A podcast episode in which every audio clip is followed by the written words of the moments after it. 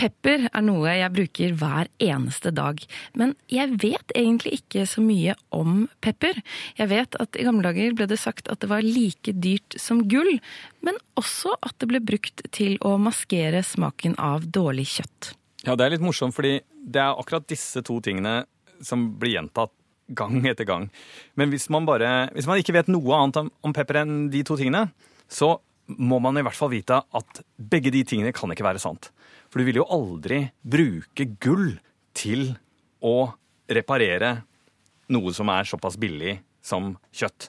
Så en av de påstandene må i hvert fall være feil. Og hvilken det er, skal du snart få vite i dagens utgave av Radiomat, som handler om pepper.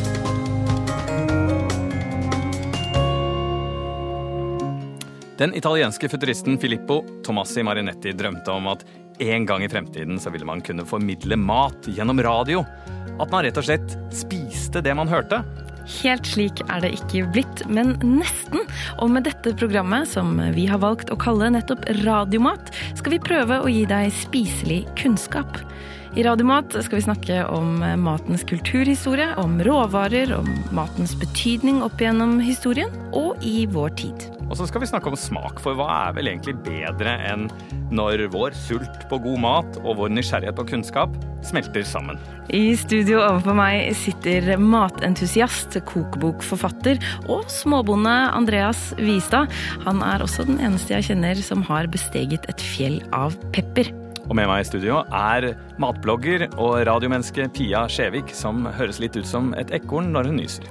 Takk skal du ha. Pepper er det aller verste, faktisk.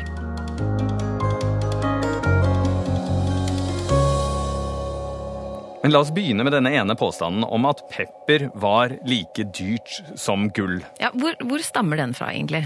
Ja, Det har jeg lurt mye på, fordi den gjentas og gjentas og gjentas. Eh, og så har jeg gått gjennom litt eh, kilder, og jeg er nokså sikker på at det var den eh, romerske naturhistorikeren Plinius den eldre som introduserte dette.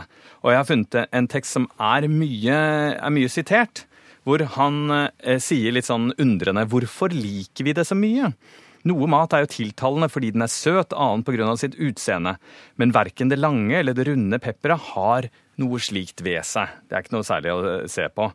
Eh, og det er i hvert fall ikke søtt. Nei, vi vil ha det for sitt bitt, og vi drar til India for å skaffe det. Hvem var den første til å smake pepper med mat? Og så, og så er han liksom litt sånn eh, tenker han, er det egentlig noe vits i? Så skriver han, for i sitt opprinnelige land vokser pepper og ingefær vilt, mens vi verdsetter dem som sølv eller gull.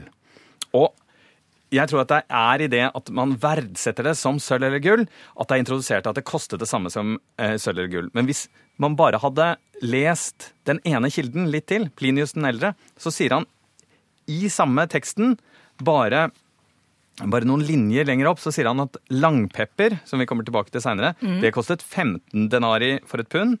Hvit pepper kostet syv denari for et pund, og svart pepper kostet fire denari for et pund. Og denari, det var uh... Det var myntenheten. Ja. Og ingen av oss vet helt hva det er. Nei. Men det høres jo ikke forferdelig mye ut. Poenget er at man trenger bare da å bla litt mer i den samme teksten av denne samme Plinius, og finner at uh, han skriver om diverse ulike medisiner sånn, som hjelper mot en vondt i foten eller mot dårlig ånde, eller sånn, som koster 20 eller 30 denari. Og purpur purpurfargen, det var noe av det fineste du kunne få. Han skriver da at den kostet 200 denari. Og han beskriver også et purpurfarget silkestoff som man ikke engang får kjøpt for 2000 denari. Så jeg tror at, eh, at, vi kan si at eh, dette er jo først og fremst et matprogram som handler om å verdsette og forstå maten. Men jeg, jeg mener at, eh, at, dette er nesten et slags sånn stykke forskning hvor vi kan si at nå ha, mener jeg å ha langt på vei bevist at pepper, i hvert fall i romertiden, ikke kostet det samme som gull. Og at eh, kilden til eh, denne påstanden var Plinius, men hvis man bare leser Plinius med, med litt mer forståelse, så finner man ut at eh, den må ha vært mye, mye lavere. At det, var en dyr og fin ting, men pepper ville i hvert fall ikke ha blitt så populært. For det er en ting som vi ser videre med krydderhistorien. Det er jo at fra romertiden, og vi skal snakke mer om det, så blir jo uh, pepper billigere og billigere, på en måte. Men det når jo da frem til flere og flere, så det blir jo viktigere og viktigere. Eh, og på en måte så kan man si at i dag, når du sier at du bruker pepper flere ganger i løpet av en dag, så jo, har jo pepper blitt en umistelig del av vår matkultur. Ja, det er jo rett og slett det. Mm. Og, og, og, man kunne ikke tenke seg det uten. Og, og selv om det da er, ikke er spesielt dyrt, og kanskje er pepper eh, på en måte altfor billig i dag. Hvorfor ble egentlig pepper så populært, da? Brukte de det sånn som vi gjør, eller var det medisinske årsaker, eller var det andre grunner? Jeg tror, jeg tror kanskje det var liksom en kombinasjon. Jeg, jeg velger jo å tro at mennesker alltid har vært sansende og nytende mennesker. Mm. Sånn at det, det, som eh, Plinius skriver om, og at det gir et bitt, det er en egen, er en egen smaksopplevelse som, som, er, som, er, litt eh, unik, og som er veldig verdifull.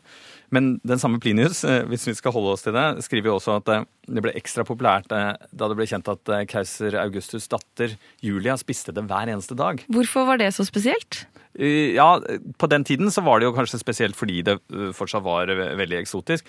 Men så ble det noe litt sånn pikant ved det fordi at, øh, at, denne Julia hun var øh, kastet ut av hoffet fordi hun hadde så løssluppen seksualitet, selv etter romerske regler. Og jeg tror det var en sånn link da, mellom pepper og seksualitet. At det ble sagt at man at, at det liksom, Og det, det ser man gjennom i hvert fall mange mange århundrer etter, eh, langt inn opp mot moderne tid, så var det sånn at, eh, at man regnet det som varmende og mhm. litt opphissende.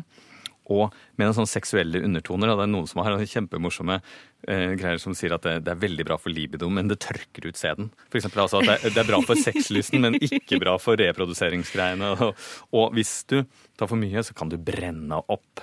Det var tanken, da. Wow. Um, men eh, man brukte det da i veldig mye forskjellige ting. Man brukte det i matretter. Ja. Altså Den første romerske kokeboka inneholder veldig mange oppskrifter med pepper. Men man brukte det da også i vin, f.eks. Ja, det gjør vi ikke nå. Nei, men egentlig så noen av de opprinnelige gløgg-oppskriftene mm. inneholder jo litt grann pepper og og, og det, det, kan være egentlig ganske godt med det lille bitt i. Og sammen med frukt og, og, og sånn sylte, det vi i dag ville kalt syltetøy. Sylta frukt. Og man lagde også en slags sånn type nesten som pepperte.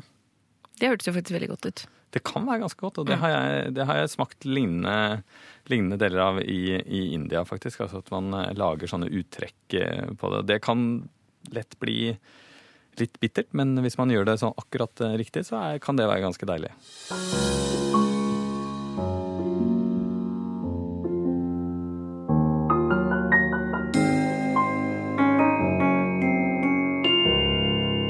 Har du bilder å dele?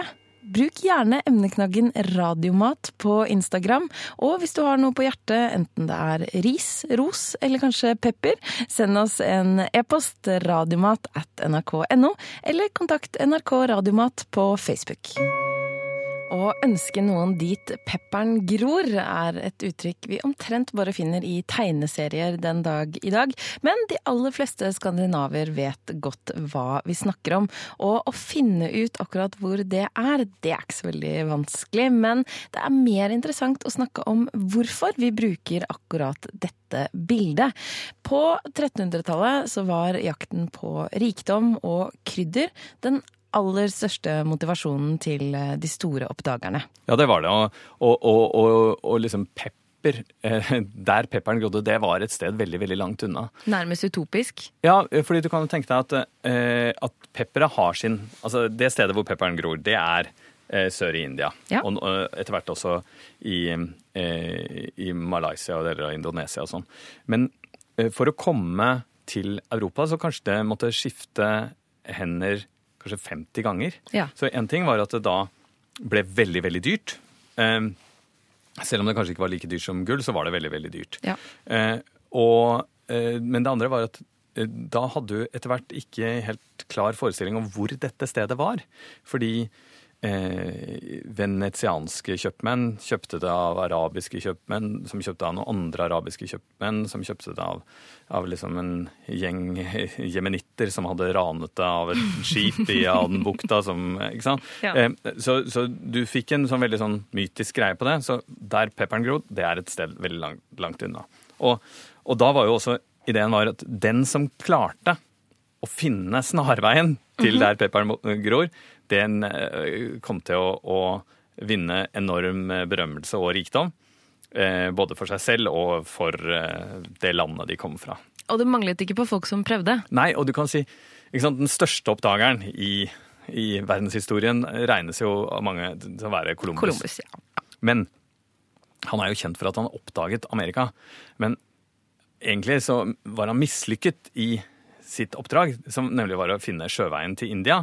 Han skulle finne sjøveien til India, og dermed komme hjem med store mengder med pepper og annet krydder. Så han hadde jo en sånn fiksering på pepper, han. Ja. Alt han fant i, i, dette nye kontinentet, det kalte han et eller annet med India eller et eller annet med pepper. Så han, han havnet i Karibien og kalte det de vestindiske øyer. Mm -hmm. Og så fant han bl.a. blant annet eh, Alehonde, ja. som han sendte hjem og sa 'jeg har nå funnet Jamaica-pepper'. og og så seinere så dukket chilien opp, som var chilipepper. Og, og også paprika heter jo fortsatt da pepper på veldig, veldig mange språk. Så han fant noe veldig stort og, og, viktig, men i begynnelsen så tenkte han ah, jeg bomma litt her. Jeg må prøve å overbevise sjefene mine hjemme om at jeg har funnet noe verdifullt allikevel. Kanskje det var utkanten av India. Men fant han noen gang pepper, da? Nei, han fant mye annet, men pepper fant han ikke. Hvem var det da som fant sjøveien fra Europa til India? Det, det, var Vasco da Gama. Bare noen få år etter, i 1498, så kom han til Calicut eh, i eh, Sør-India. Og, og, veldig berømt at han kom på land og sa 'vi søker eh, krydder og kristne'. For det var da De hadde hørt historier om at det fantes grupper med, med kristne da i, i, India. Og det, det gjorde det? Ja, en gruppe Thomas-kristne. Ja. Men, men han, han etablerte jo en slags sånn standard for, for hvordan du ikke skal oppføre deg når du er på besøk og driver handel. Eh, han, eh, han var opptatt av å sette, opprette en handelsstasjon og, og sånn, men, eh, men, på et eller annet tidspunkt så hadde han invitert eh, handelsfolk og dignitære om bord, og så bare massakrerte han alle.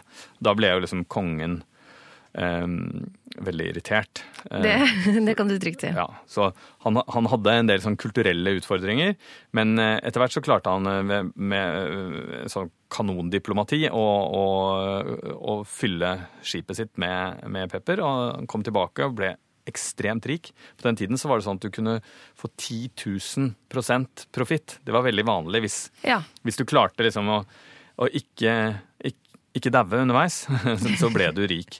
Og han kom tilbake da to ganger, og den tredje gangen så døde han av malaria. Eh, så han ble rik, men døde. Karma heter det i India. Du har vært, eh, du har vært ved graven hans, du? Ja, ja, den er i Cochin i Kerala. Og det er ganske interessant, faktisk, når du er i Cochin, så driver de krydderhandel. Jeg hadde tenkt at de skulle være uh, liksom at, det, at, det, skulle være en stor fabrikk eller noe sånt. Noe. Ja. Men da er det rett og slett eh, et, en del av byen som er det gamle jødiske handelsstrøket. Så det er en gate som heter Synagogue Lane, som er full av små krydderbutikker. Ja. Og da ser du menn som bærer sånne 50 kilos kryddersekker. Og da, når du går forbi dem på gaten, så enten så, så nyser du, liksom, eller så kjenner du et pust av kardemomme, som også er stort der. For det må jo lukte helt fantastisk ja, det helt, der. Det er helt utrolig. Det er jo andre lukter som konkurrerer, som ikke er, er fullt så gode. Og som ikke regner seg i dette programmet. Nei, men, men, eh, men så er det veldig interessant, for da, da, er det sånn små handelsbutikker, på en måte. Men ja. da, øh, da er det, er det vanlig at du må ta deg på føttene. Og så når du går innover, så er det sånn Kan være små berg, da, tre-fire meter høye eh, fjell av pepper.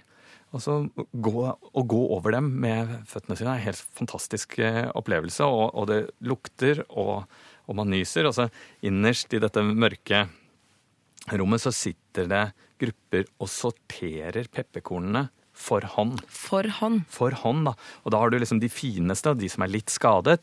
Og så Uh, har du det som er sånn, bare sånn støv? Du vet, da tenkte jeg at yep. nå vet jeg hvor de der små posene med pepper som du får på fly og kantiner kommer fra. Det er det, det, det, er det som disse, disse, damene innerst i Synagogue Lane har bare børstet bort med feiekosten, og så tenkt ja, vi kan jo selge det likevel. Det kan se sånn ut.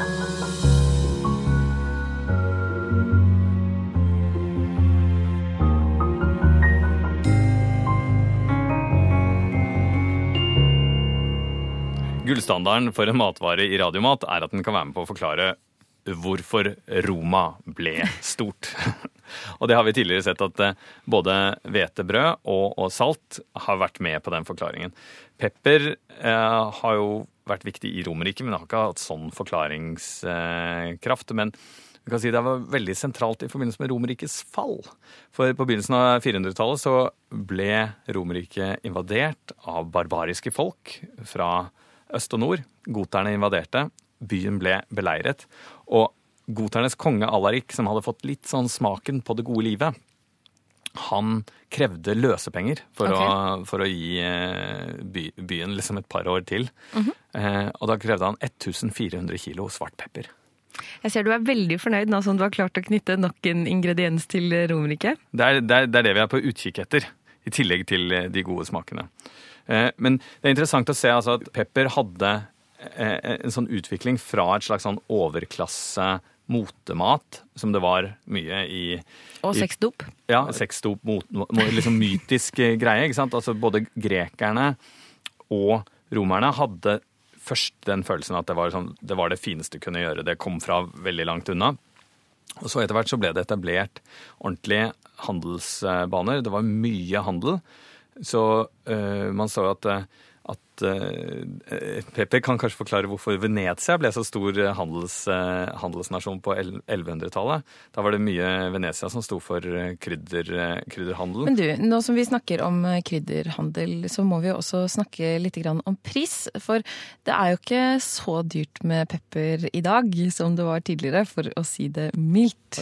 Og det de har gjort som er veldig interessant i, i, i Kerala, det er at de har opprettet en pepperbørs. En pepperbørs? Ja, Det er ekstra morsomt på norsk, da. Pepperbørsen.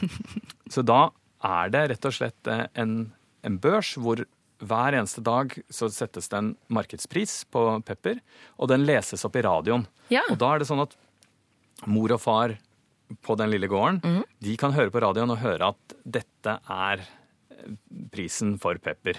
At det, det er 300 eh, rupi, ikke sant. Ja. Uh, og, og, da vet de at hvis det er en handelsmann som kommer, og skal kjøpe det av dem og bare tilbyr 50 rupi, så får de for lite. Ikke sant? Så da kanskje de selger det til han for 250. Og da får han litt Men, men da går det ikke an å lure handelsmennene. Så da har de faktisk liksom laget De har klart endelig nå, da, de siste, eh, de siste 20 årene, så har man klart å, å virkelig få til eh, en strømlinjeforming av den handelen.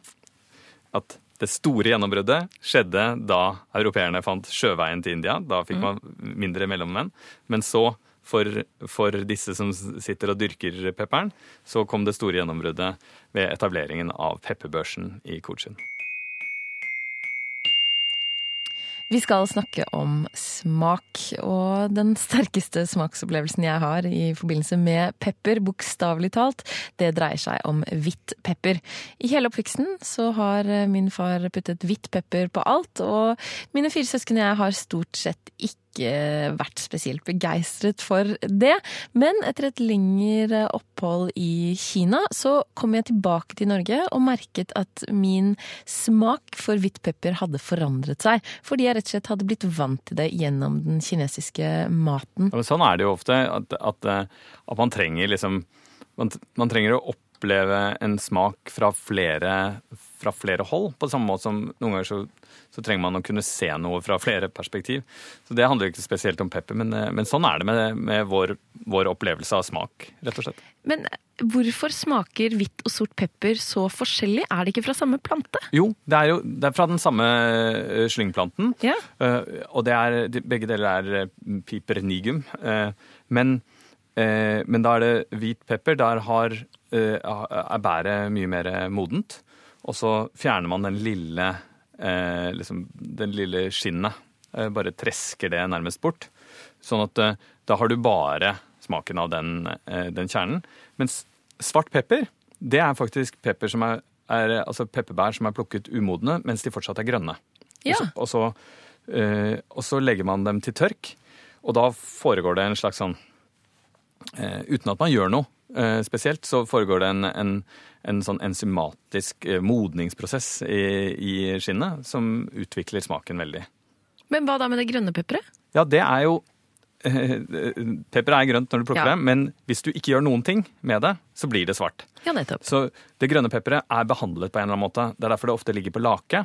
Og da kan du putte på en eddiklake. Det som er tørket, det er da enten frysetørket, eller så må du behandle det med svovel eller sånn, sånn at det ikke gjennomgår en, eh, en, en sånn eh, modningsprosess. Ja, hva med rosa, da? Ja, nei, det er ikke pepper. Det kommer fra en helt annen plante. eh, Som så vidt jeg husker har sin opprinnelse i Amerika. Og det er til og med bitte lite grann giftig. Ikke det at det er spesielt farlig for oss. Ja, du må spise veldig mye av det for at det er et problem. Altså. Men, men det, det har ikke noe med pepper å gjøre. Det er bare det at det minner oss om pepper. Ja, Hva er det egentlig pepper bør smake? Det bør jo være litt sterkt. Eh, pepper har jo en rar eh, egenskap ved at det både har en egen smak, som vi er ute etter, men vi vil også at det skal gjøre noe med den andre maten. Altså Ja. Den skal fungere som en smaksforsterker. Og litt av det er rent sånn fysiologisk, at, at, eh, at, vi, at vi pirrer smaksløkene, at vi saliverer litt mer, altså vi får litt mer spytt og den type ting. Så vi har liksom mer aktiv munnhule når vi spiser ting med, med pepper. Men så er det interessant også at pepper kan smake en og samme pepper fra den samme, samme posen eller boksen, eller kan jo smake ganske forskjellig, litt avhengig av hva du gjør med den. Hvordan da, for eksempel? Jeg, jeg krydrer biffen først, og så krydrer jeg den etterpå også. Du vil rett og slett ha maks ut av pepperet? Ja, men Sånn er det jo med en del ingredienser. At, at Hvis du bruker den på én måte hele tiden, så får du én smak. Men hvis du bruker den på forskjellige måter, så får du forskjellige smaker av den samme ingrediensen. Og hva er det du varierer med? Nei, men du, du kan jo også bruke den eh, på en, ve en veldig sånn røff måte å bruke den på, er jo rett og slett å bruke pepper til røyking. Ok, Altså Det ville vært utenkelig i riktig gamle dager når pepper var veldig veldig dyrt. Men, men en ting jeg gjør når jeg griller av og til Og et sexdop. Ja, ikke sant?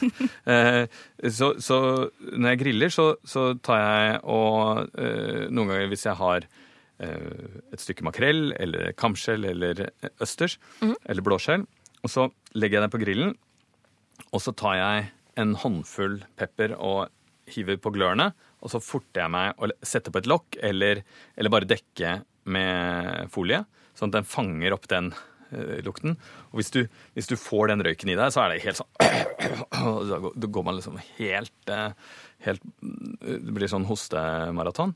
Men eh, hvis man bare trekker seg unna og kommer tilbake to minutter etter, Ja. så vil fa faktisk eh, det fiskestykket eller østersen eller skjellet ha fått en, en ganske sånn mild, fin pepperrøyksmak. Det, det, det skal jeg prøve senere i dag, faktisk. Ja, det må du gjøre.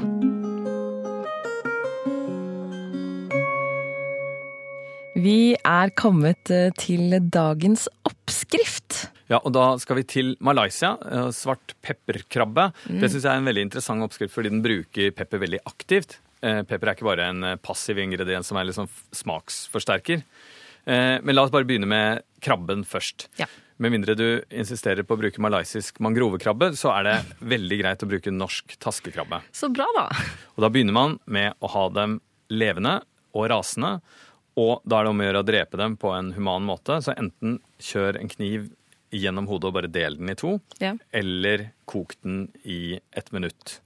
Og kan man diskutere hvor eh, humant det er, men da har du i hvert fall gjort det. Og så eh, rive av klørne og knus dem så vidt sånn at du får sprekker i dem. Det er veldig fint, fordi da kommer den gode kraften inn, og det blir litt lettere å spise. Så nå har vi ingrediensene klare, og så tar, tar jeg og, og varmer en panne over ganske høy varme, og så ha på omtrent en spiseskje med grovmortret pepper. Og hvis du ikke har en morter, så Ja, kan da du bare bruker du en pepperkvern, men bare på det groveste du får det til. Ja. Eh, men så riste den i panna i et minutt eller to, sånn at det bare begynner å ryke så vidt av den. Og så har man oppi krabbe, Mhm. løk, ingefær, vårløk, soyasaus og olje. Og så, eh, og så da steke eller drive sånn stir fry, eller hvis du har en wok, så gjør du det, i i fem minutter på ganske høy varme, og så lav varme i fem til sju minutter til, inntil krabben er ferdig. Og da, da, da, blir den ganske sånn eh, eh, ganske seig og klissete. Og så har de gjerne på litt av den sausen som kalles østerssaus, Ja. og eh, gjerne litt brunt sukker også. Eh, men det er lurt å ta opp i det mot slutten, sånn at eh, det ikke brenner seg på, på den høye temperaturen. Altså, det det høres så godt ut at jeg føler at jeg lukter hvordan det lukter. Og så helt til slutt Ja. så vender man inn en god mengde med fersk pepper. Og da får du både den ferske, rike, aromatiske smaken av pepper, og også den litt sånn brente, røykte smaken. Og det er kjempedeilig og helt umulig å spise uten å søle. Historien om pepper er mye lenger enn det vi rakk i dagens utgave av Radiomat. Og hvis du vil leke deg litt, så kan du f.eks. prøve å ta pepper på iskremen din, eller putte det i en sjokoladekjeks. Følg Radiomat Jeg tok for mye pepper.